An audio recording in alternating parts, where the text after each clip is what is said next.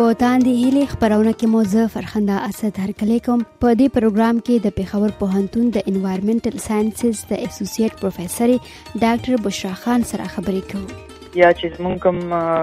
ریسرچ تحقیق کې د هغه سره مونږ چې کوم دینو دا دغه سرکاري ادارې یا چې کوم حکمرانان دی هغه مونږ ټایم په ټایم باندې موږ دی لکه خبرو د خپل دغه ننو دا چې آیا پېښور واقعي هم یو د نړۍ آلوده ښار دی دنیا کې بعضې ښارونه داسې هم دي چې هغې کې که تاسو ګرځئ نو ساه اخیستل یا د اکسیجن چې کوم مقدار څومره پکار دی د ساه اخیستو لپاره هغه هغه کم شي خو شکر دی چې پېښور کې دا مسله هغه عمره نه ده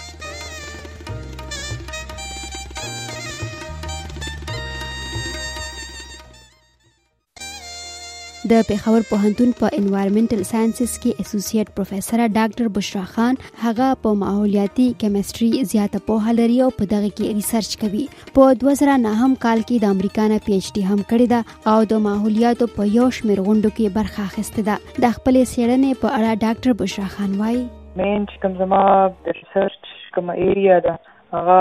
د ماحولیاتي کیمسټري یا انوایرمنټل کیمسټري چې ورته وي نو زیات ریسرچ د هغه ایریا کې کوم هغې نه علاوه چې کوم دې وخت کې غړ پټ مونږ ته کومې مسلې دي ماحولیات لحاظ سره د څنګه چې خلک وایي چې د ځمکې د درجه حرارت چې کوم داسې واقعېږي او هغې سره چې ماحول کې کوم تبدیلي راځي هغې باندې وخت په وخت موږ خپل چې کوم دغه دي کنسرنز دي هغه خو سرکاري چې کوم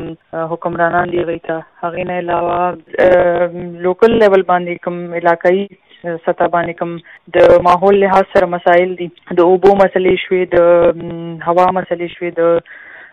ځنګلات کټ کیږي نو هغې باندې مونږ خپل لکه چې کوم زمونږ دغه ایشوز یا زمونږ چې کوم دغه فکر یا غوري یا چې زمونږ کوم ریسرچ تحقیق کې د هغه سره مونږ چې کوم دینو دا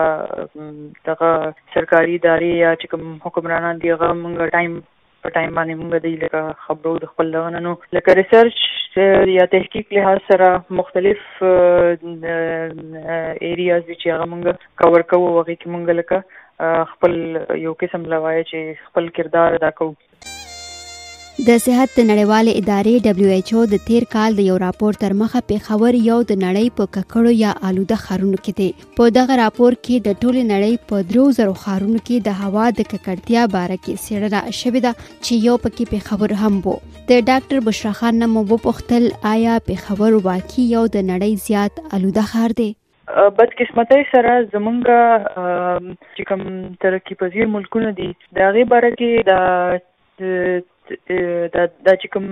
لیول جوړیږي چیرې دا آلودګي دی وخت کې په دې ښار کې سیوا ده او دې ښار دا ښار نمبر 2 دی او نمبر 3 دی او نمبر 1 دی د دې صدا سي ډیر زیات هغه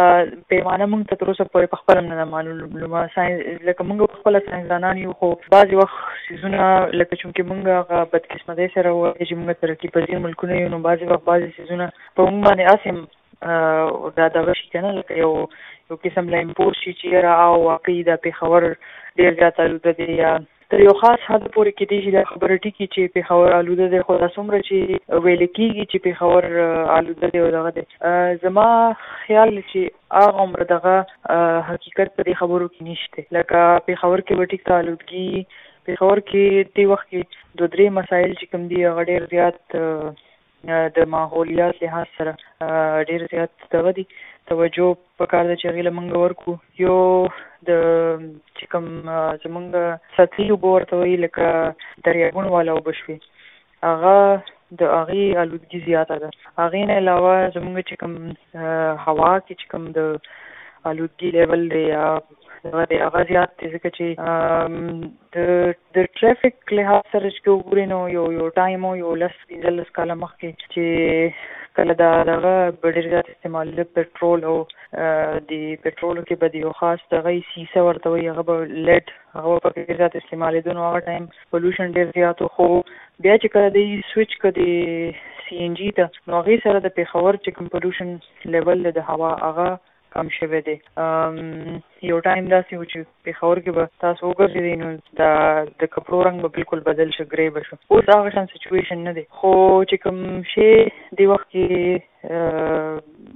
مین دغه دی هغه دا چې کوم د خښتو دا بټۍ د پېښور په چاپیر چار چاپیر علاقه کې نو هغه کې دا دغه استعمالېږي داسې قسم مواد استعمالېږي لکه ټایر استعمال شوي ټایرونه یا پلاستیک سره ریلیټډ چې کوم د اور بلولو لپاره کوم دغه استعمالېږي هغې سره یو مین کنسرن دی او هغې کې داسې قسم کیمیکلز راوځي چې هغه کینسر جوړوي انسانانو ته ډاکټر بشرا خان وایي دی همیشه په ملکی او نړیوالې سطحې پر دې خبرې کړې دي چې باید په پاکستان کې په هغو وجوهاتو کار وشي چې د هوا د ککړتیا سبب جوړیږي او بیا د دغه آلوده هوا له وجې کینسر او نورې ناروغۍ خپریږي همیشه زه چې کله په داسې څه کانفرنس یا څه میټینګ کې ناست یم نو زما همیشه همدا مین دغه وایي چې یو یو کنفلیکټ چې یاره زه دی ته وایم چې یاره تاسو د پکار نه چې زموږ حکومت یا عمران خان یا چې هر څوک دی د کینسر هسپتالونه زیاتول نه دي پکار ځکه چې د کینسر هسپتال زیاتول یو انډیکیشن دی چې موږ کې دا بیماری شته او لکه دا سیوا کیږي لګیا دي بلکې موږ له پکار دي چې موږ هغه مین هغه وجه وګورو چې دا جوړیږي په څه وجه باندې او هغه کنټرول کو نو د هوا یو دا دغه شو بیا د پیښور چې کوم ټول نغړه دی وخت مسله ده او موږ ټول لګیا یو هغه باندې سو د هغه سره حل را وبسلو کوشش کو او هغه مسله دم نه خو هغه په ساينسي بنیادونو باندې حل کیږي نه لګیا ده نو په هغه وجه باندې هغه نه مسله جوړه شوې ده هغه دا چې دا چې کوم زمونږ د کورونو د کچره ده د خار چې کوم ټوټل کچره ده د هغه د صحیح طریقې سره د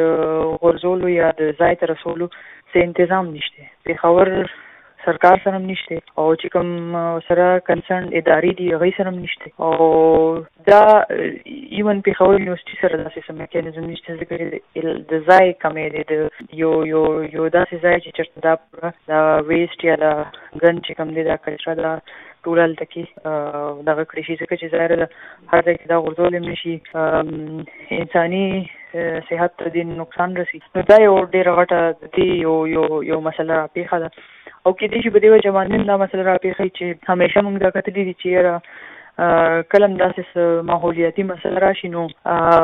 د سرکار د طرف نه دا کوشش چې هغه ادارې دي هغه خو پکې انوالو کړي هغې کې اکثر ټکنیکل کس یا ای یعنی یا زیات تر پکې داسې کسان ناست دي چې هغوی په هغه ټکنیکل دغه سایډ باندې خو ښه یي خو هغه ساینسي سایډ باندې د هغوی دومره زیات دغه ني نو هغوی کې اکثر یونیورسټیانې چې کومې دي دی د یونیورسټي چې کومه یا ساینټیسټ چې کومي هغه د اګنور دي نو په هغې وجه باندې د هغې حل نه راوځي حالانکه حل اوس هم راوتی شي نو دا که زه خلاصه بیان کوم نو مین مین د پېښور دی وخت کې درې درې مسلې دي یو د اوبو مسله ده یو د هوا مسله ده او یو د د هوا د الودګي د اوبو الودګي او دا چې کوم د کورونو نه ګندوزي کچره د دې د صحیح طریقې سره ځای ته رسولو دا درې چې کوم دي د پیښور غټې مسلې دي خو په هغه بیس باندې موږ دا نشو ویلې چې پیښور ډیر زیات الوده ښار دی پیښور اوس هم د دنيا کې د ډېرو ښارونو نه ښه ښار د دنيا کې بعضې ښارونه داسې هم دي چې هغې کې که تاسو ګرځئ نو ساه اخستل يا د اکسيجن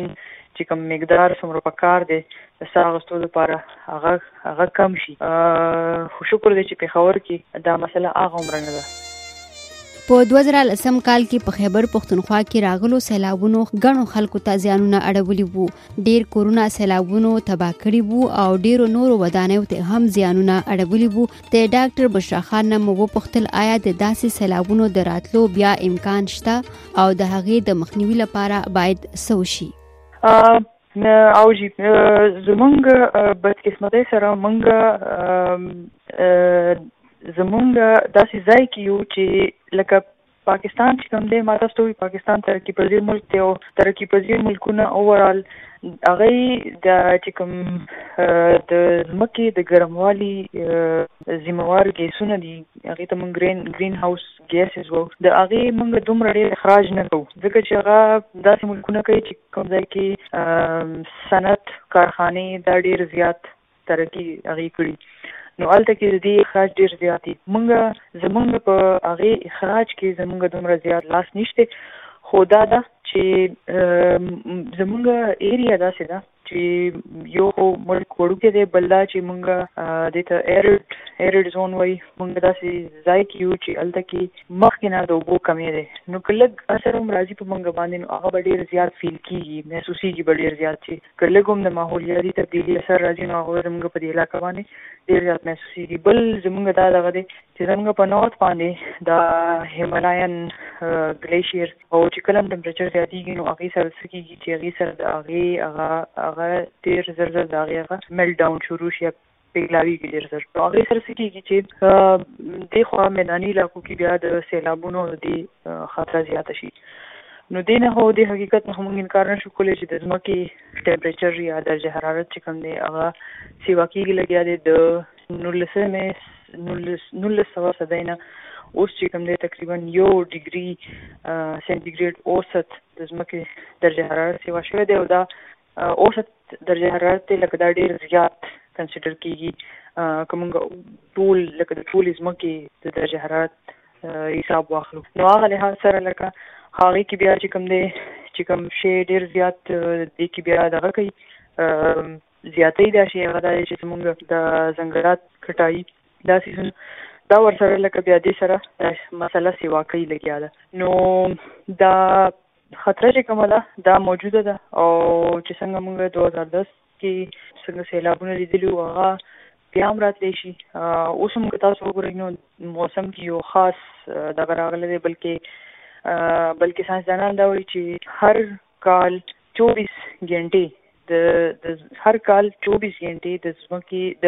د ګرمۍ موسم چې کوم دی هغه سیوا کیږي لګیا دی نو او دا شی را روان دی د تیرو تقریبا لس شلو کالو نه نو تاسو ګورئ چې د ګرمۍ موسم چې کوم دی هغه لس شل کاله کې 24 24 غنټې نو تقریبا یو میاش د ګرمۍ موسم تقریبا شل لزی یو میاش سیوا شوی دی نو هغه شی سیوا دی خو دا چې مونږ لکه اوس هغه لپاره په کال دی چې د یو قوم په حیث باندې موږ تیار اوسیږو چې که چېرې فرض که د اوبو کمې راځي په داسې وخت کې چې کله د اوبو ډیر زیات ضرورت وي هغه وخت کې موږ ته د اوبو کمې راشي نو موږ به څه کوو کسان یا زمینداران چې کوم دي ځمکو کې چې کوم کار کوي کاشتکاري ځکه چې دا زموږ یو یو مین دغه دی د هزاره مبادله هغه هغه له سکول پکار دي اوبه څنګه سیو کول پکار دي د اوبو کنزرویشن څنګه پکار دي هغه نه علاوه داسې څه قسم کارونه کول پکار دي چې هغه سره مونږه دا مسله ختميږي خو نه خو چې لږه غوته کم نو په یو یو لوی لیول باندې یو وای چې یو آگاهي پروګرام شروع کول پکار دي چې هغې کې يونيورسټيانې يا جامعات يا پروفيسران، ساينسدانان، پوه خلک چې کوم دي هغوی پکې حصه واخلي او هغوی دا شی په خپله خپل لاس کې واخلي او يو ماس کمپين چې ورته وایي يا څه چې هغه شروع کړي چې زموږ دا خلک چې کوم دي هغه د دې د دغه نه خبري او فيوچر لپاره مستقبل لپاره تيار